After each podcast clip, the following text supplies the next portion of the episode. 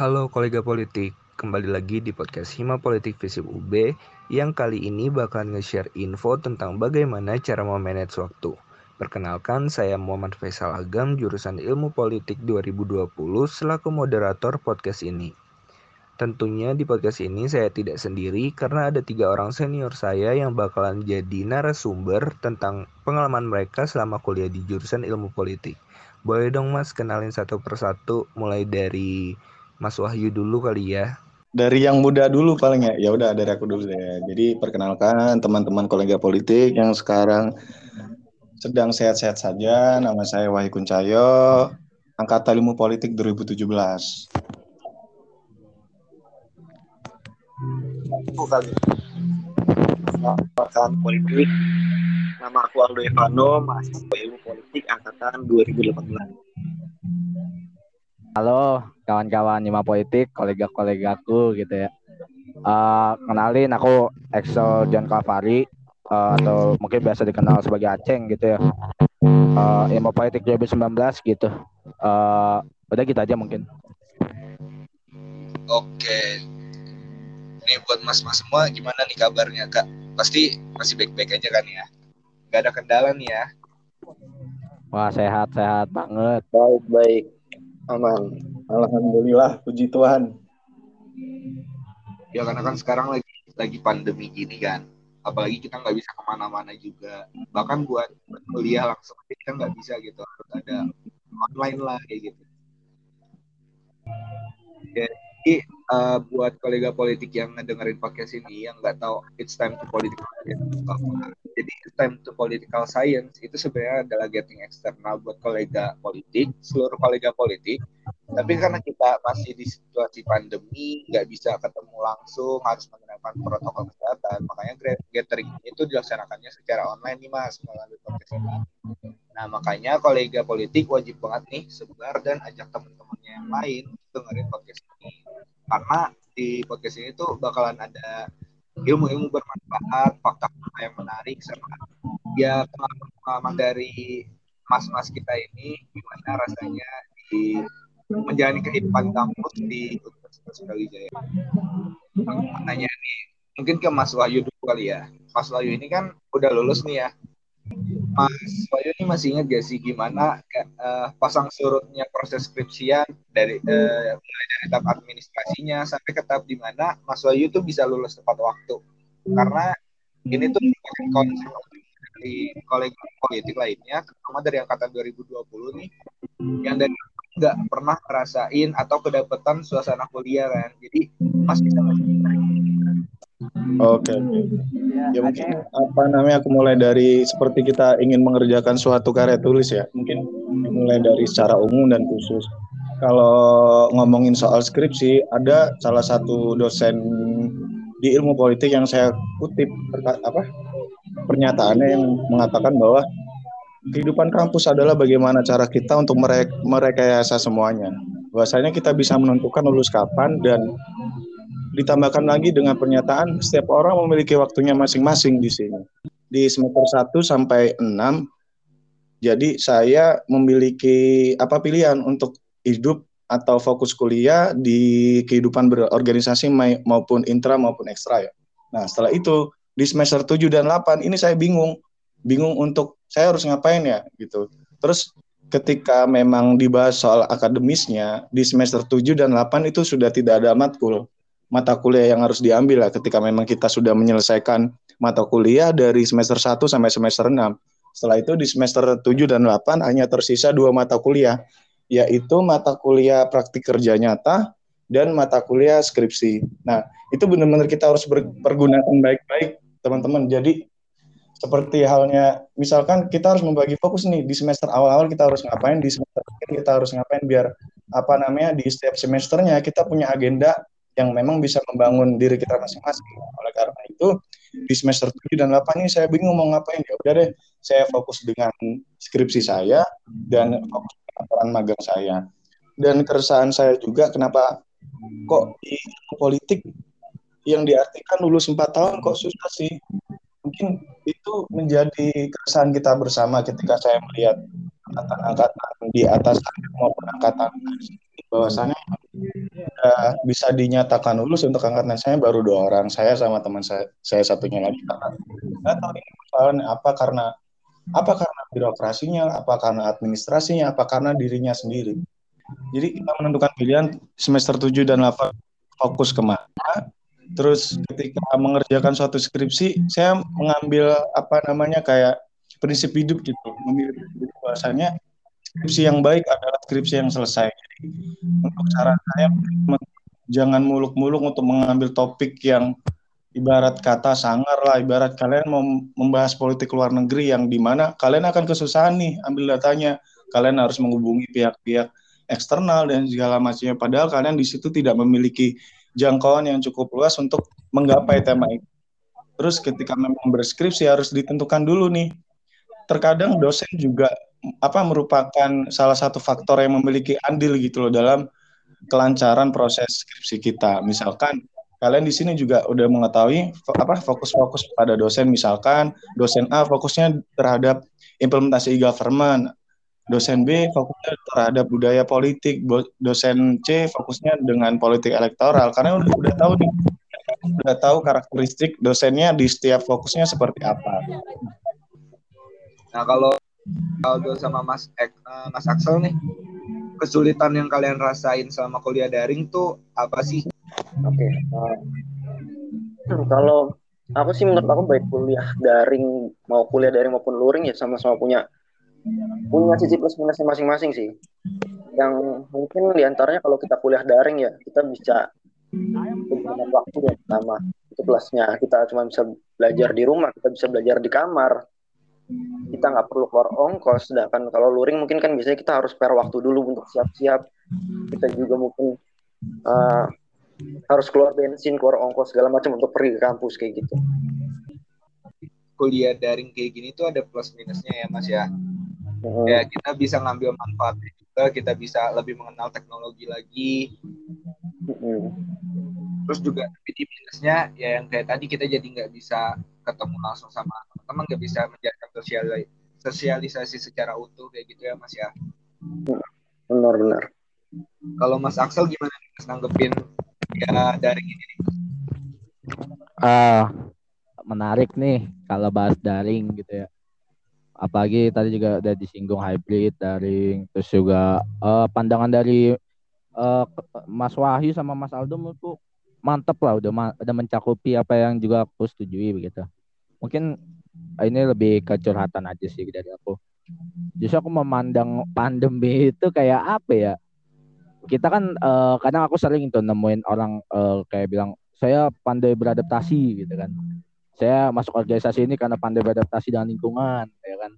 Beradaptasi dengan lingkungan baru beradaptasi dengan pekerjaan baru dan lain-lain. Nah di sini gitu kita diuji gitu kita ditempa sebenarnya. Ini jadi ajang pembuktian.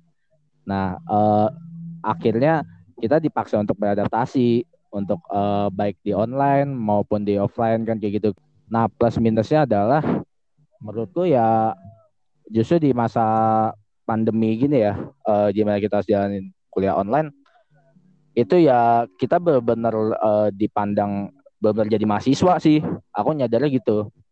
Karena apa? Karena aku selalu bilang gitu ke teman-temanku kayak uh, sorry ini agak curhat lah gitu kan. Ya pandanganku dan pengalamanku. Mungkin teman-temanku ada yang nggak bisa kuliah gitu ya. Aku selalu bilang kayak lu ngapain kuliah? Lu baca buku aja yang banyak. Lu bakal lebih pintar dari orang-orang yang kuliah. So, gue selalu bilang gitu kan. Dan pada akhirnya banyak dosen-dosen tuh ya kita tahu lah bobroknya sistem, sistem asinkronus sinkronus ini kadang jadi multitafsir jadi kayak banyak dosen mengandalkan asinkronus tapi di sini kita diuji lah buat gimana kita bakal uh, belajar secara mandiri, baca buku banyak-banyak dan lain-lain. Dan di sinilah kita diuji apakah kita mampu bertahan atau enggak kayak gitu. Iya benar mas benar. Jadi uh, apa namanya keadaan keadaan ini tuh malah mengajarkan kita buat kayak menjadi mahasiswa yang sekutunya ya mas ya. Nah kalau ke Mas Wahyu nih, pandangan Mas Wahyu nih terhadap kayak ngelihat uh, adik-adik di bawahnya gitu ya, lagi kayak bingung sama yang daring lah yang uh, kesulitan sama masalah internet lah kayak gitu. Mas Wahyu nih punya pandangan gitu kebijakan dari ini kalau misalkan ditanya terkait pandangan terkait daring, luring, asikronus, hybrid dan segala macamnya, mungkin di sini teman-teman tahu gitu loh bahwasanya konsepsi perubahan adalah suatu hal yang keniscaya yang bersifat niscaya gitu loh.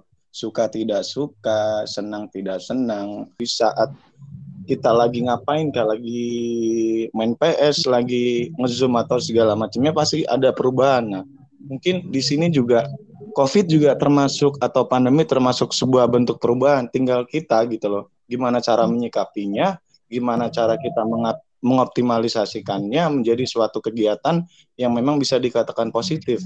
Teman-teman ketika sekarang menjadi mahasiswa, kan lebih banyak waktu luangnya nih. Misalkan ya. kalian kuliah cuman apa namanya pagi atau sore dan sejam dua jam bisa dikatakan dalam sehari lah. Nah, di situ ada waktu luangnya. Nah, mungkin bisa dimaksimalkan dengan apa? Kalau saya dulu sih, meskipun dulu juga belum, eh, udah kebagian daring sih. Jadi saya waktunya untuk belajar-belajar terkait teknik-teknik kepenulisan. Misalkan, gimana sih cara bikin penulisan atau laporan atau skripsi yang rapi dengan cara belajar benar-benar otodidak dari Twitter. Misalkan belajar membuat daftar isi secara otomatis belajar membuat apa kayak apa. Dan itu nantinya akan juga menjadi keahlian kalian gitu loh. Kalian di sini juga harus siap siap memandang bahwasanya dunia pekerjaan juga seperti itu. Bahwasanya kita hadir di dunia ini nggak sendiri rotasi yang berjalan di dunia ini nggak mengarah ke kita tapi mengarah ke orang-orang lain yang juga ikut berkompetisi di dunia ini. Jadi kalau menurut saya ya perubahan harus diterima tergantung kitanya nanti akan berbuat apa. Jadi bisa dimaksimalkan waktunya. Tidak serta merta untuk belajar juga kok. Mungkin apa namanya ngobrol dengan keluarga yang selama ini kita tinggalkan karena kita di kehidupan rantau, ngobrol dengan keluarga, belajar terkait teknik-teknik kepenulisan, mungkin juga yang nggak suka baca buku juga bisa mengoptimalkan belajarnya dengan via Zoom. Jadi pandemi ini melatih kita gimana caranya kita bisa survive gitu Mungkin teman-teman yang apa namanya belum fokus dengan skripsi atau belum lulus, mungkin survive-nya dalam lingkungan perkuliahan atau survive-nya dalam apa namanya mencari ilmu tapi bagi saya sendiri atau angkatan-angkatan atas yang sudah lulus mungkin survive-nya mencari uang, mencari uang dan mencari uang. Bagaimana kalian yang kita dapatkan soft skill maupun hard skill yang selama di kehidupan masa perkuliahan nanti akan bisa dihargai gitu loh. Dihargai mungkin bersifatnya materi atau nggak materi pun juga nggak apa-apa. Kita bisa mengamanahkan atau mengamalkan ilmu yang kita punya. Mungkin di sini juga teman-teman memiliki sifat rebahan atau mager. Bagi saya manusiawi tapi kalian di kehidupan ini tuh harus bisa survive apa pun caranya yang penting nggak merugikan orang lain. Itu aja sih. Aku juga eh, mau nanya nih mas ya buat uh, ke mas mas semua nih. Kan angkatan 2020 ini nggak pernah ke visip UB kan ya? Nah kita pengen tahu dong kayak budaya apa aja yang jadi ciri khas di ilmu politik visi UB itu kayak tempat nongkrongnya anak-anak tuh biasanya di mana? Atau ilmu politiknya sendiri itu dikenalnya kayak gimana? Boleh dari Mas Axel dulu kali ya. Ya mungkin ini uh, aku sebagai aku anggapnya sebagai angkatan kelinci percobaan lah begitu. Angkatanku tuh belum ada setahun kan udah euforia. Sama lah kayak 20 gitu. Uh, wah keterima lah di FISIP UB belum ada setahun pandemi gitu kan. Bahkan semester 2 awal itu eh semester 2 awal semester 2 akhir uh, jadi makanya aku nganggep pengen percobaan lagi. Jadi mungkin uh, apa yang apa udah aku dapetin gitu ya budaya dari anak-anak mau politik itu emang merepresentasikan anak sosial banget sih. Kenapa aku bilang gitu? Banyak anak politik uh, bahasanya tuh di organisasi-organisasi tuh banyak banget itu. Makanya uh, aku dulu tuh semester satu kan gimana ya? Ini pengalamanku ya. Uh, aku tuh nggak terlalu aktif gitu kan uh, di mana-mana. Cuma aktif di ekstra kampus kan. Ya udah ngelihat anak-anak politik yang banyak di intra itu kadang ngiri gitu. Kayak wah gila anak-anak politik tuh ternyata orangnya aktif-aktif gitu. Uh, yang paling aku highlight itu mereka tuh ber apa ketika ada dosen yang bilang laboratorium kalian tuh organisasi bahkan waktu itu kan di Probindo juga kan laboratorium kalian tuh organisasi. Nah itu gitu. Makanya anak politik itu banyak di organisasi yang itu yang ketangkap Terus yang kedua, kalau misalkan bahas nongkrong ya, ya pak Pres itu jelas tuh anak 19 banyak itu di uh, di Pangpres mana tuh dekat pagar oren tuh kan. Uh, apa ya, bawahnya lupaan itu ada poster eh ada pilokannya itu pokoknya di situ. Tapi ada juga kita lihat ini aku saya objektif ya. Uh, banyak lah untuk uh, topologi inilah anak-anak nongkrong politik. Ada yang di Bangpres ada yang di MIPA ada yang di perpus ada yang di mana ada di mana CL lah di lain-lain gitu. Banyak. Dan mungkin bisa diperjelas nanti sama Mas Aldo Mas Ayu terus poin ketiga menurutku anak-anak politik ini pengalaman terkait dengan organisasi itu kayaknya menurutku paling mateng sih. Ya bisa kita uji lah gitu kayak uh, mungkin karena tadi poin satu kuliner ya jadi poin ketiga aku juga dapat kayak misalnya misal aku ngobrol nih sama Mas Wahyu nih wah Mas Wahyu ini uh, sangat persuasif ya. Orangnya ya jadi jadi kayak wah gila nih anak politik banget lah Mas Wahyu nih.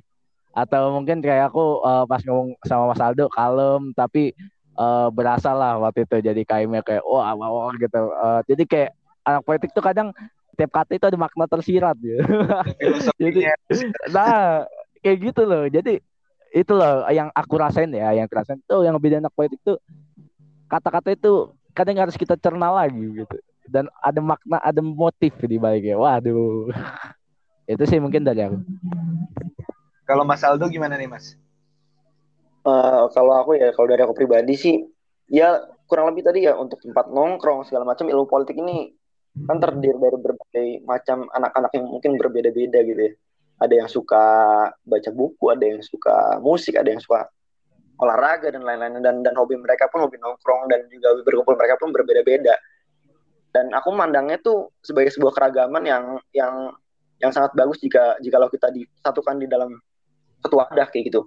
Yang mana aku juga ngelihatnya bisa dibilang mahasiswa politik ini merupakan apa ya mahasiswa yang sudah dewasa gitu maksud dalam artian di sini kita bisa ada masanya kita ada masanya kita berkumpul bersama di dalam suatu acara di dalam suatu wadah yang bersifat merekatkan kayak contohnya mungkin di proker-proker yang sekiranya menghadirkan kita di situ di situ kita Evan asik-asikan ngobrol nyanyi joget-joget dan dan juga olahraga bareng mungkin yang sekiranya suatu suatu wadah yang bisa menyatukan kita.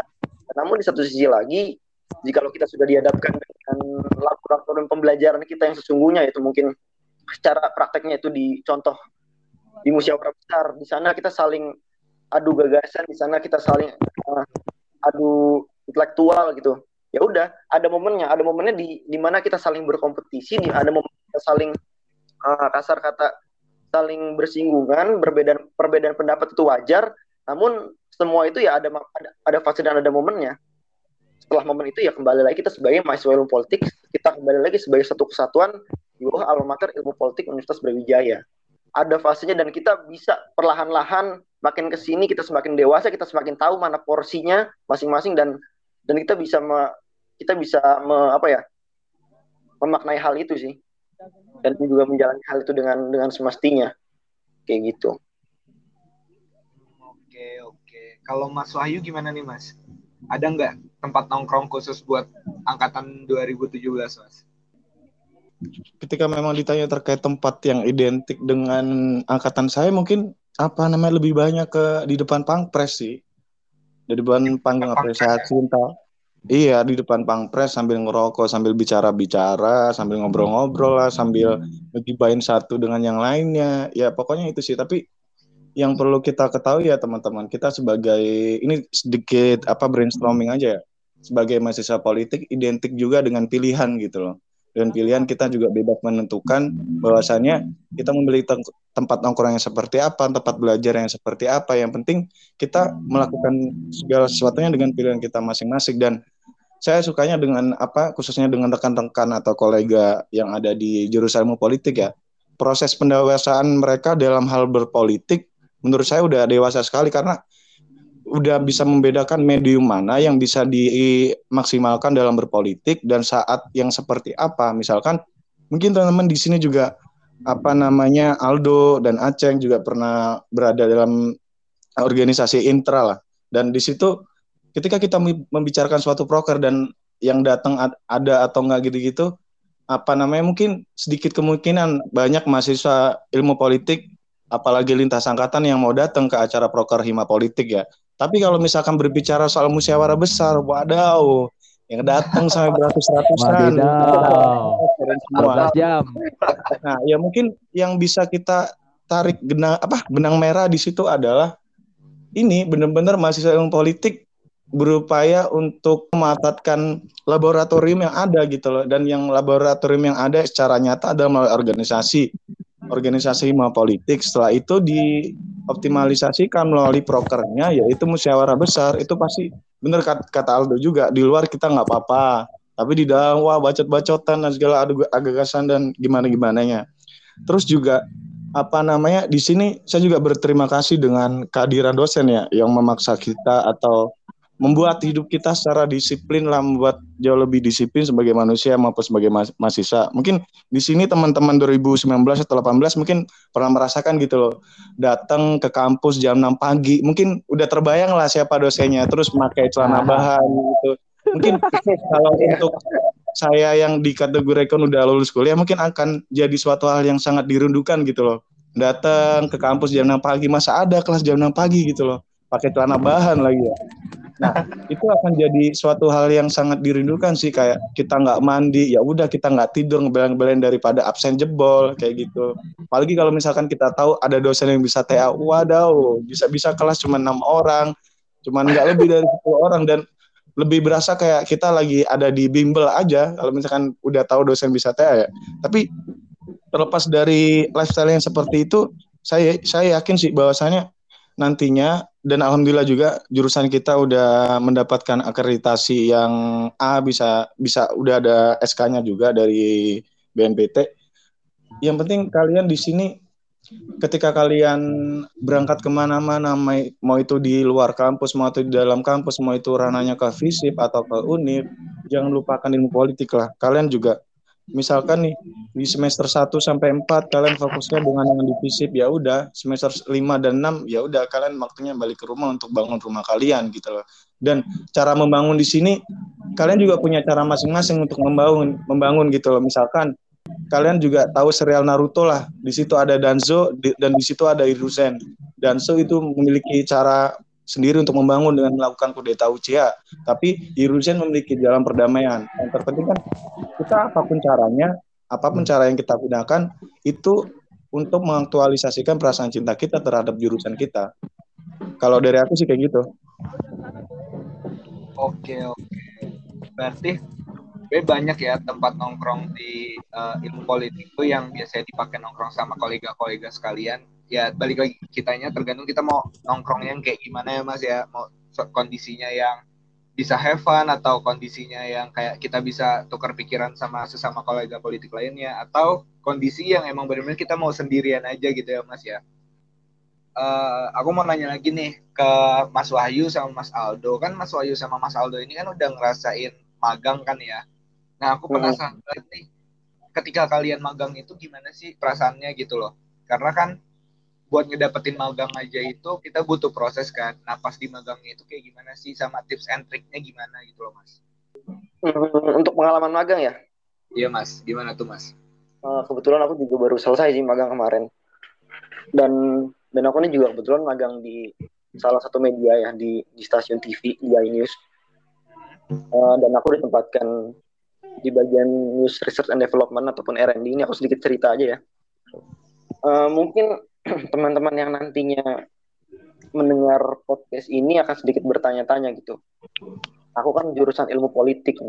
Loh kok magangnya di media, di stasiun TV gitu yang notabene mungkin uh, teman-teman sebagian besar mayoritas itu lebih condong ke bidangnya ilmu komunikasi di bidang yang aku magang. Aku mendapatkan berbagai mata kuliah, ada komunikasi politik, ada mata kuliah mata kuliah lainnya yang yang memang secara tidak langsung menuntut kita gitu untuk untuk menganalisis suatu peristiwa, untuk menganalisis suatu fenomena dengan kacamata kita, uh, agar nantinya nih kita mendapatkan suatu ya dari fenomena tersebut. Gitu, jadi tingkat seperti itu dan sampai tibalah saatnya aku buat melakukan kegiatan magang itu, melakukan kegiatan PKN. Dan Betul, aku memang sudah sudah bertanya-tanya juga ke pendahulu-pendahulunya di, di ilmu politik, ke senior-senior yang uh, yang sekiranya juga udah melakukan kegiatan magang itu. Uh, dan juga senior-senior tersebut ada juga beberapa yang memang magang di media dan aku bertanya gitu. Dan setelah aku bertanya-tanya, uh, aku berpikir oh, seperti bisa juga sih untuk ilmu politik ini melakukan magang itu di di media di bidang ilmu komunikasi karena karena kalau kita tarik ke belakang juga kita bisa gitu untuk mengadopsi teori-teori ataupun ataupun ilmu yang sekiranya kita dapatkan di ilmu politik buat kita terapkan di media kayak gitu karena aku mendapatkan pembelajaran sih bagaimana bagaimana akhirnya aku merangkum suatu program berita secara detail dari tiap kejadian. Mulai menit per menit sampai juga kita bisa menginput menginput rating. Juga kita bisa menginput rating dan share dari suatu program berita. Pada akhirnya pun nantinya juga akan dibuat suatu analisa bahwa sekiranya sebagai contoh program A ini apa yang kurang ya apa yang bisa sekiranya dikembangkan dari program ini agar tetap dapat bisa bersaing dengan stasiun TV lainnya kayak gitu? Terus apa sih hubungannya dengan dengan laporan magang aku ya mungkin? Dan ini aku mengadopsi teori komunikasi politik dari uh, Susan Parr. Yang yang mana di sini aku ingin bagaimana politik ini dalam perspektif media dengan berfokus pada peran instansi ini, peran iNews ini sebagai watchdog ataupun pemantau dalam memberitakan suatu berita apa gitu misalkan kita ambil fokusnya. Nah, di sini aku berdasarkan teori komunikasi politiknya dari Susan Parr yang sekiranya kalau teman-teman bisa cari itu dia itu menjelaskan bahwa ada peran media dalam politik. Ada empat lebih tepatnya. Yang pertama mungkin ada watchdog ataupun pemantau, ada juga spectator ataupun penonton, dan juga ada servan ataupun pelayan, dan juga ada trickster media sebagai penipu kayak gitu teman-teman mungkin itu singkat ceritanya ya bagaimana aku magang di di di IT kemarin. Jadi untuk untuk tips and triknya sebenarnya nggak ada. Jadi walaupun walaupun kita politik secara general ya kita bisa kok magang di mana pun. Salah satunya mungkin ada yang minat di media ada yang minat di mana itu kita bisa. Karena bagi aku jika kita adopsi apa yang kita dapat di ilmu politik juga bisa relevan gitu. Kalau kita terapkan di media yang mungkin sebagian orang menilainya bahwa itu lebih condong ke arah ilmu komunikasi nih. Tapi pada saatnya kita bisa, kita bisa berkembang di mana pun, kita bisa berproses di mana pun ya asalkan kita mau untuk melakukannya. Kayak gitu sih mungkin. Kemungkinan ya Mas ya berarti ya. Oke oke. Mungkin terkait tanya soal tips and trick magang dan experience terkait magang mungkin itu balik tadi kalau misalkan membicarakan soal perkuliahan dan magang adalah gimana caranya kita memaksimalkan proses belajar kita gitu loh di di mana pun tempatnya Nah, lalu kita curahkan semuanya, kita aktualisasikan semuanya ke lembar kerja skripsi kita. Apa aja ilmu yang kita dapat dan segala macam. Dan ketika itu balik tadi, ketika kita sebagai mahasiswa bisa merekayasa hidup kita gitu dengan pilihan yang kita tentukan hari ini dan memberikan impact ke pilihan-pilihan atau hasil yang kita dapat di kehidupan yang mendatang gitu loh satu atau dua tahun mendatang. Nah, ketika disambungkan lagi dengan persoalan magang di sini untuk magang waktu magang mungkin di tahun 2020 awal kalau nggak salah. Dan itu apa namanya aku lagi di proses dilema gitu. kan tempat seperti apa. Mendapatkan wangsit atau mendapatkan wahyu lah buset wahyu dong. Waktu lagi berkontemplasi melakukan perenungan bahwasanya apa yang kurang dari aku ini Terus apa yang kurang dari mahasiswa politik dan selama ini aku selalu berpikiran mahasiswa politik adalah di, diidentikan dengan politik elektoral lah, budaya politiknya lah, maupun kebijakannya lah. Terus apa yang nggak ada di ilmu politik ini? Dan di saat itu juga aku langsung memikirkan persoalan perempuan gitu loh. Dan muaranya, singkat cerita, langsung aku mengambil magang di Women Crisis Center yang ada di Surabaya atau lembaga perlindungan perempuan lah di situ mungkin banyak yang berpikiran saya juga waktu masuk ke magang di sana semuanya perempuan nih. Barat ada 10 staff dan ada satu direktur lah. Semuanya perempuan dan saya sendiri seorang laki-laki di situ. Dan di situ saya merasa udah out of the box gitu loh. Kayak ya apa namanya saya bisa menjadi mahasiswa ilmu politik yang berbeda dengan experience yang berbeda dibandingkan yang lainnya kayak gitu loh kebanyakan masih yang politik membicarakan soal politik yang elektoral dan segala macamnya tapi saya sendiri membicarakan terkait politik perempuan gitu loh sebagai seorang laki-laki. Dan apa namanya itu sih. Jadi di sana saya mendapatkan pengalaman terkait gimana sih caranya penanganan kasus, gimana sih caranya mengaplikasikan kebijakan ke atasan, gimana caranya untuk ngebawa perempuan yang lagi hamil dan menyerahkan anaknya ke dinas sosial dan segala macamnya. Dan itu juga memberikan pembelajaran hidup untuk saya gitu loh. Dan secara apa namanya entah itu secara teoritik maupun secara praktisnya ya.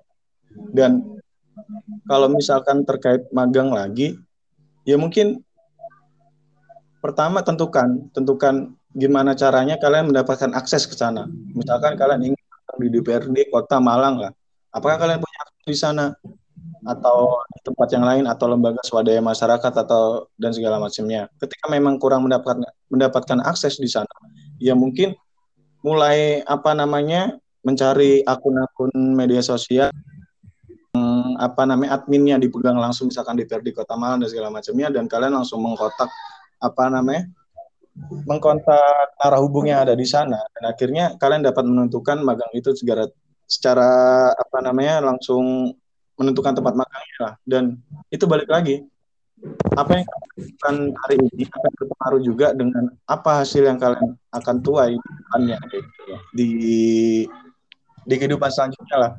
Penting jangan bikin susah diri kalian sendiri gitu loh. Dengan misalkan kalian mau magang di mana lah.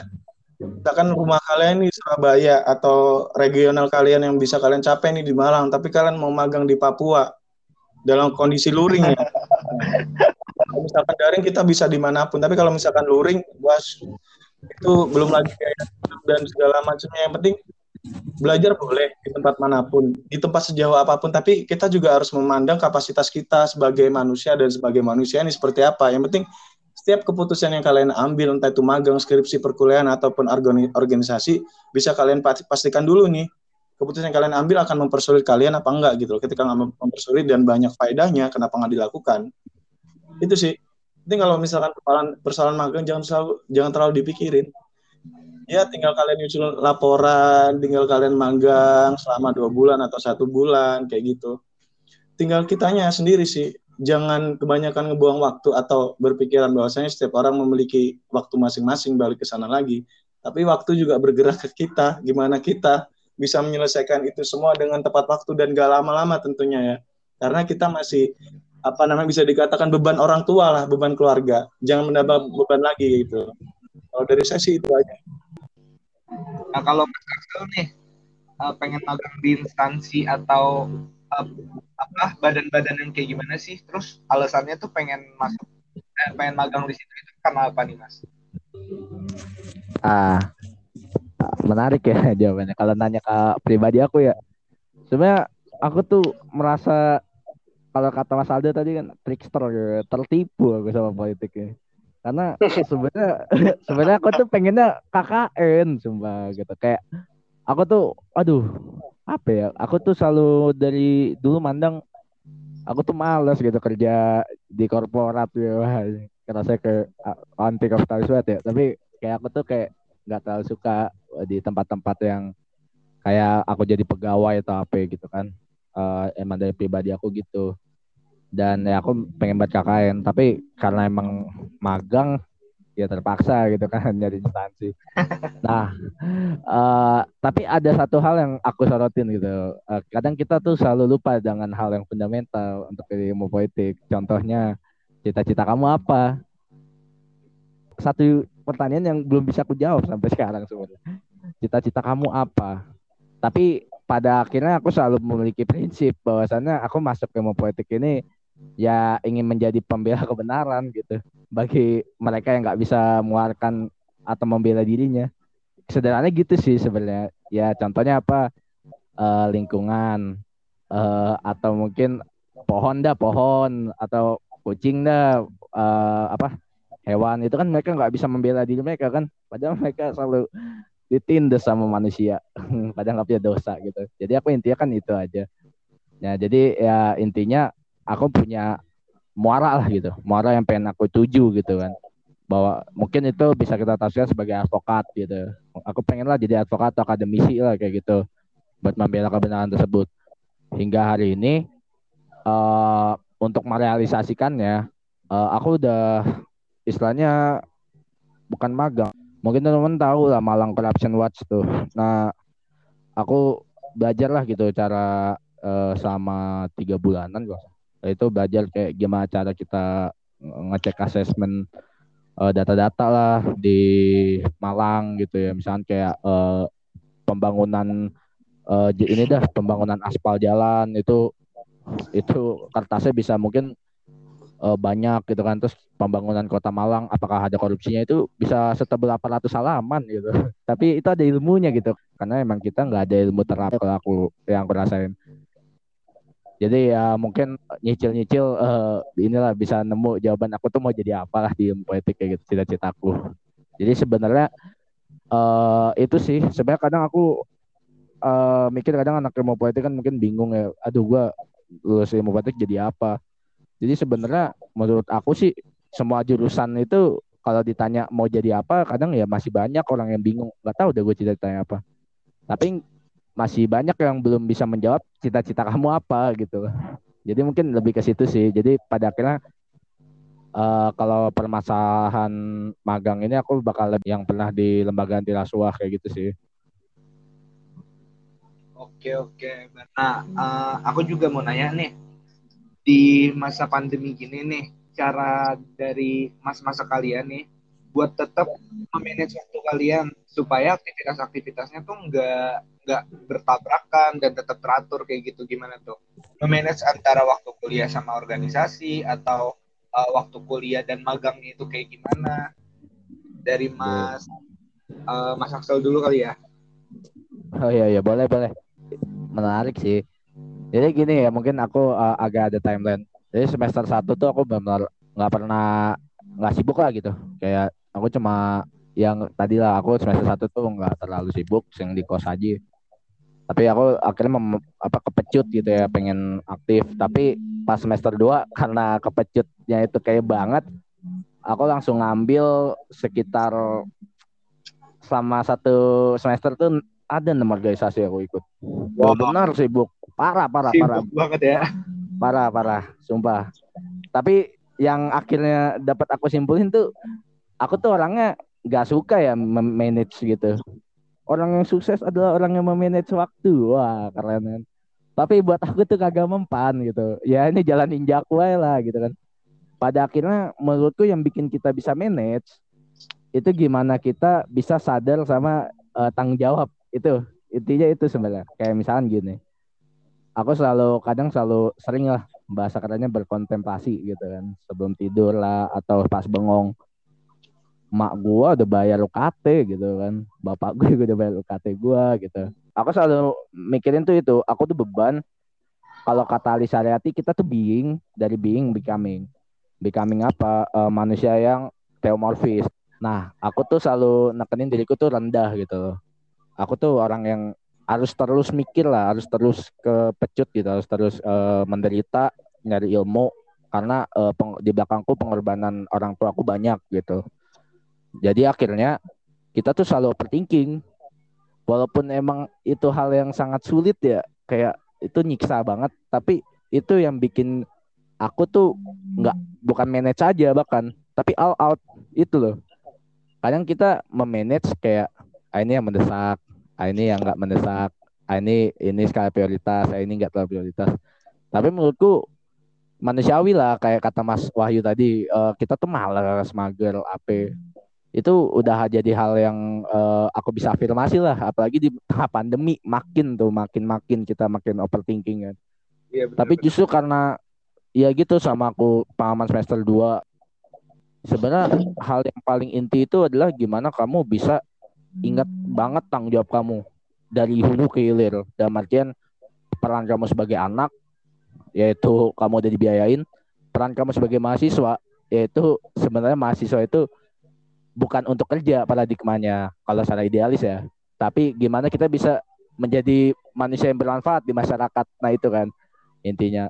Tanggung jawab jadi mahasiswa sama tanggung jawab kamu jadi mahasiswa ilmu politik bahkan atau mungkin tanggung tanggung jawab kamu mungkin sekarang agam di ma politik tanggung jawab kamu sebagai staf ahli politik. Itu sebenarnya dari apa ya pecahan-pecahan yang parsial tapi ketika kamu kumpulin jadi satu itu jadi tanggung jawab yang berat. Ketika kamu bisa overthinkingin itu setiap hari itu jadi pecutan kamu bahkan jadi, jadi kayak tekanan lah kayak masa gue males-malesan gitu. Masa gue begini dampaknya apa? Ketika kamu tanggung jawab itu udah sangat overthinking masa kamu udah sadar lah. Kamu akan lebih menghargai waktu. Kamu akan menghargai waktu kamu akan menghargai rekan staf ahli misalnya sesama staf ahli. Kalau kitanya Belgi atau kitanya kayak aduh males gitu. Kita bakal lebih menghargai kalau kita sadar tanggung jawab. Pasti kamu bakal lebih inisiatif misalnya bantu Gabriela atau bantu si uh, Acul ya kayak gitu. Menurutku awalnya di situ sebenarnya tanggung jawab gitu itu sih kalau dari aku mungkin yang bisa ke sharing kalau dari Mas Aldo gimana nih Mas? Uh, cara memanage waktu antara kan Mas Aldo kemarin baru aja selesai magang nih ya Mas ya? Nah caranya gimana sih memanage antara waktu antara kuliah magang sama aktif di organisasi juga? Itu cara manage waktunya gimana tuh Mas?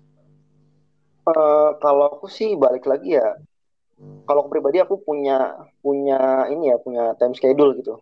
Uh, karena bagi aku nih uh, sering kali kita sebagai mahasiswa nih kan kita punya kesibukan di luar perkuliahan gitu. Entah tadi yang kau bilang magang terus juga mungkin ada yang organisasi bahkan ada yang kerja. Terus juga belum lagi kalau ada tugas kuliah yang dikasih dosen itu banyaknya bukan main. Kadang-kadang suka ngebuat kita kebingungan. Kita kebingungan buat ngatur jadwal kegiatan kita. Rasanya tuh 24 jam tuh kayak nggak cukup buat ngerjain semua tugas dan juga tanggung jawab yang kita emban gitu. Nah, makanya menurut aku nih perlu sih kalau aku pribadi perlu uh, time management ataupun manajemen waktu yang baik. Jadi yang mungkin bisa aku lakukan ya pastinya pertama ya planning and planning and organizing buat semua buat semua kegiatan yang aku lakukan gitu. Kita bisa urutkan dulu peran dan tanggung jawab kita, kita identifikasi, kita tulis peran-peran itu beserta tanggung jawabnya gitu. Karena kan setiap peran kan pasti ada tugas dan tanggung jawab masing-masing kan dan pastinya pun setiap orang tuh berbeda-beda ada yang multiple misalnya kayak Aceng organisasinya ada enam. Ada peran sebagai mahasiswa ada peran sebagai anggota dari organisasi kan banyak. Nah setelah kita tahu peran yang kita miliki misalnya peran pertama sebagai mahasiswa itu tanggung jawab utama kita sebagai mahasiswa ya udah. Kemudian kita lihat nih semester ini kita ngambil mata kuliah apa aja. Nanti barulah kita bertemu nih sama tugas nah dari situ kita bisa nulis nulis deadline deadline deadline dari tugas pekerjaan apa pun ya kita tulis deadline-nya. Nah dengan dengan menulis dan membuat time schedule menurut aku itu akan mempermudah kita dalam memetakan apa aja yang harus kita kerjakan. Setelah kita tulis kita bisa memilih kita mau mengerjakan dari mana. Dari yang paling mudah misalkan ataupun yang dari yang paling susah. Misalnya kalau aku pribadi kalau aku pengen mengerjakan yang dari paling mudah dulu nih sekalipun sekalipun time limitnya masih lama ya aku kerjain aja gitu. Aku nggak nggak nunda-nunda karena bagi aku ketika udah selesai sebelum deadline kita nih masih memiliki waktu kok dan juga kesempatan buat buat nge-review pekerjaan kita gitu. Biar kita nggak keteteran lah ibaratnya. Kayak gitu sih mungkin singkatnya kalau dari aku. Kalau Mas Wahyu gimana Mas? Kalau dari aku sih berusaha memposisikan sebagai mahasiswa yang paling marginal lah di ilmu politik. Jadi ketika kita membicarakan soal manajemen waktu ya, bagiku suatu hal yang utopis serius. Karena apa? Itu balik lagi, kita sebagai manusia memiliki sikap yang mager itu yang pertama. Waduh, kita loh di pandemi ini ya, ini jujur-jujuran aja, kalian juga pasti ngerasain meskipun karena lebih banyak fokus entah organisasi, entah skripsi, entah kuliah, entah PKN sekalipun, kita lebih banyak waktu untuk ng nganggur daripada lebih banyak waktu untuk ngapa-ngapain ya. Jadi apa namanya lebih tepatnya bagaimana kita untuk memaksimalkan waktu, waktu sih. Dengan apa? Ya mungkin referensi yang saya dapatkan misalkan dari Aceng tadi. Aceng mengatakan soalnya apa? Kita kembali kepada hakikat manusia kita sendiri gitu loh. Kita sebagai apa di situ? Nah, apa dari Aldo juga bilang kita sebagai manusia, kita sebagai anak, kita sebagai mahasiswa dan kita sebagai berperan sebagai apa. Dan itu kita bisa tuangkan dengan apa? Memaksimalkan di dalam suatu waktu melalui peran-peran yang udah terbagi itu tadi kayak gitu jadi misalkan ya saya mencontohkan kayak apa namanya saya jujur-jujur meskipun saya terkesan ngebut dalam soal skripsi tapi saya di situ berusaha melatih tanggung jawab gitu loh bahasanya apa namanya skripsi ini harus kelar selama dua bulan skripsi ini harus kelar selama empat bulan itu menjadi ibarat tujuan hidup saya untuk sementara ini gitu loh jadi kalau saya sendiri secara pribadi memiliki tujuan gitu. Misalkan tujuan saya untuk satu bulan atau fokus saya untuk satu bulan dua bulan ke depan adalah seperti ini.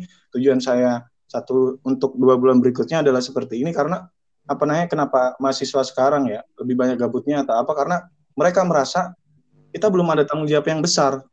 Tanggung jawab yang besar dalam artian di sini adalah soal bekerja ya. Meskipun tadi udah disinggung Mas Aceng terkait apa namanya kita dilahirkan sebagai manusia, manusia atau mahasiswa itu sebagai orang yang bermanfaat bagi lingkungan lingkungan sekitarnya bukan sebagai pekerja gitu loh. Nah, tapi ketika memang kita tarik ulang pada hakikatnya bahwasanya kita saat ini kenapa masih aku enggak membicarakan soal manajemen waktu karena apa? Kita belum ada tanggung jawab yang menurut kita besar gitu loh. Jadi ketika ingin melatih bahwasanya kita ini ada tanggung jawab harus kembali ke hakikat kita masing-masing berperan sebagai apa kita sebagai anak dalam keluarga yang juga menjadi beban keluarga kita berperan sebagai man manusia dan mahasiswa juga dan bla bla blanya seperti itu sih jadi apa namanya untuk manajemen waktu yang mungkin lebih tepat yang saya gunakan adalah kayak gimana kita menggunakan waktu dalam apa pun konteksnya dalam apa pun peristiwanya kita harus bisa loyal dan total lah. Ibarat Mas Aceng misalkan ada enam apa organisasi, si Aldo misalkan ada enam fokus dalam hidupnya. Bagaimana kita di salah satu fokusnya sekalipun nggak boleh memberikan fokus yang nggak 100% gitu loh. Karena apa? Bagi bagiku ketika kita udah menentukan suatu hal gitu dan kita tahu itu banyak faedahnya, kenapa kita nggak loyal tanpa kita nggak optimal di sana. Jadi itu sih dilema mahasiswa sekarang apalagi di pandemi itu banyak gabutnya. Intinya pandai-pandai kita untuk memaksimalkan dalam setiap fokus yang kita pilih sih kayak gitu. Dan memang harus fokus kayak ibarat kita udah menentukan pilihan kita dan kita udah daftar dan segala macamnya, tapi kita nggak amanah nih. Makanya untuk teman-teman lebih khususnya ya, ayolah kuliah ini juga anggap kalian anggap sebagai tanggung jawab juga gitu loh. Kalau misalkan mau mau serius juga serius dari sekarang kenapa nunggu nanti waktu setelah lulus kuliah? Kayak gitu. Karena kita harus dilatih. Melalui magang juga kita dilatih untuk dalam lingkungan pekerjaan kan kayak gitu. Yang kebahagiaan orang itu tadi pohon kebahagiaan tuh ada sepuluh ribu jauh lebih dari sepuluh ribu misalkan ya. Terus kita cara untuk bahagia tuh memakan buah yang dari pohon yang mana? Jadi pandai-pandainya memaksimalkan waktu. Akan fokus dengan hal yang non akademis seperti itu sih. Misalkan kalian lebih banyak pegang HP ya udah. Mumpung ini politik buka politik cup atau olimpiade fisik buka cabang lomba Mobile Legend dan kalian memiliki fokus atau dengan e-sport dan segala macam ya udah fokusin dengan itu dan di sana apa pun yang kalian kerjakan akan memberikan pengalaman sih saya percaya itu sih jadi nggak apa-apa buang waktu sewajarnya aja kita juga sebagai manusia rotasinya juga terus berjalan gitu loh kita saat ini lagi diem orang lain lagi bekerja lagi ngedesain poster kah lagi ngomongin soal proker atau pilihan politik atau apa.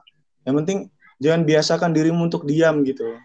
Karena yang diam tumbuhan aja bernafas gitu. Evan juga nggak diam gitu. Kalau dari saya sih sekilas itu aja sih.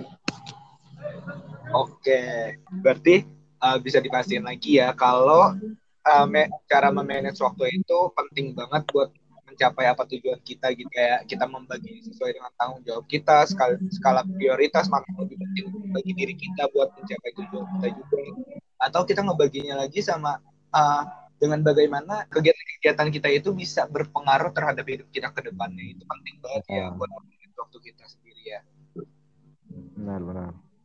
Nah oke okay, Mas, jadi kita udah sampai nih di di akhir dari podcast kita, di akhir kita.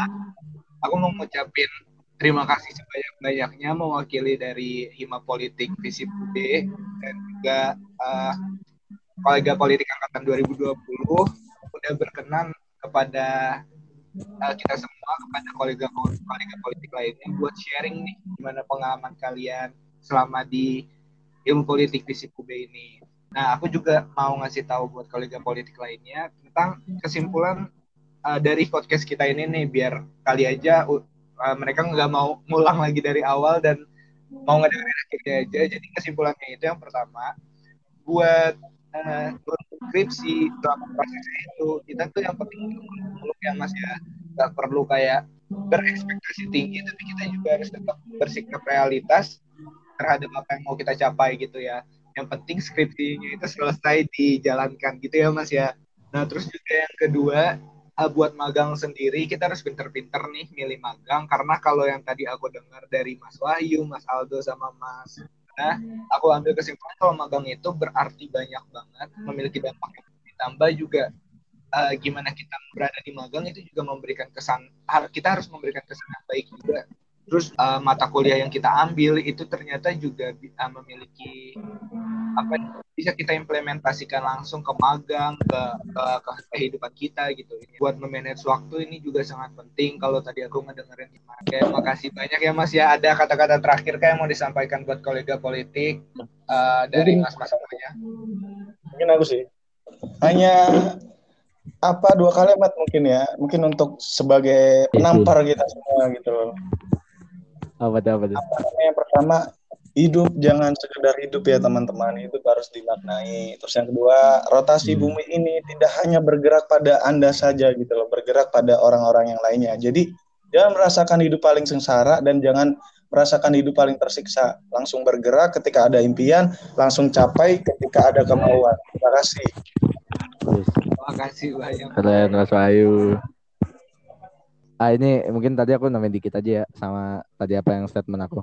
Uh, tadi kan kita udah bahas overthinking apa mungkin aku punya saran sangat berdampak sih sama aku. Coba baca filosofi stoa lah kayak gitu. Filosofi teras tuh wah berdampak sih. Ya karena kita perlu tahu bahwasannya ada hal di bawah kendali kita dan di luar kendali kita. Bahasanya dikotomi of control kayak gitu. Jadi intinya uh, hiduplah yang sederhana, hiduplah yang uh, apa ya sesuai dengan peran kita dan lain-lain sehingga pada akhirnya apa yang kita impikan tuh tercapai lah. Mungkin sederhananya sih kayak gitu. Mungkin itu aja sih penutup dari aku. Makasih Gam. Ya, Mungkin aku juga nambahin uh, kalau tadi kita singgung dari awal Mas Fauzi sempat juga menyinggung soal era 4.0 kita di masa sekarang udah masuk ke masa 4.0 yang ini eranya digital, serba digital, era robot. Karena mereka sudah mampu melakukan pekerjaan yang dilakukan oleh manusia pada pada biasanya. Namun yang kita harus ingatlah sebagai manusia bahwa kita ini manusia dan walaupun mereka bisa melakukan pekerjaan manusia, mereka hanya benda, mereka tidak memiliki pikiran dan juga perasaan seperti yang kita miliki sebagai seorang manusia. Kayak gitu sih kalau dari aku. Oke, makasih banyak. Nah, aku ucapin lagi, makasih banyak banget buat sarannya dan sharing-sharingnya. Semoga bermanfaat buat kolega politik lainnya. Uh, akhiri kata, juga menjalani kehidupannya sesuai dengan apa yang kalian inginkan dan kalian harapkan. Terima kasih semuanya.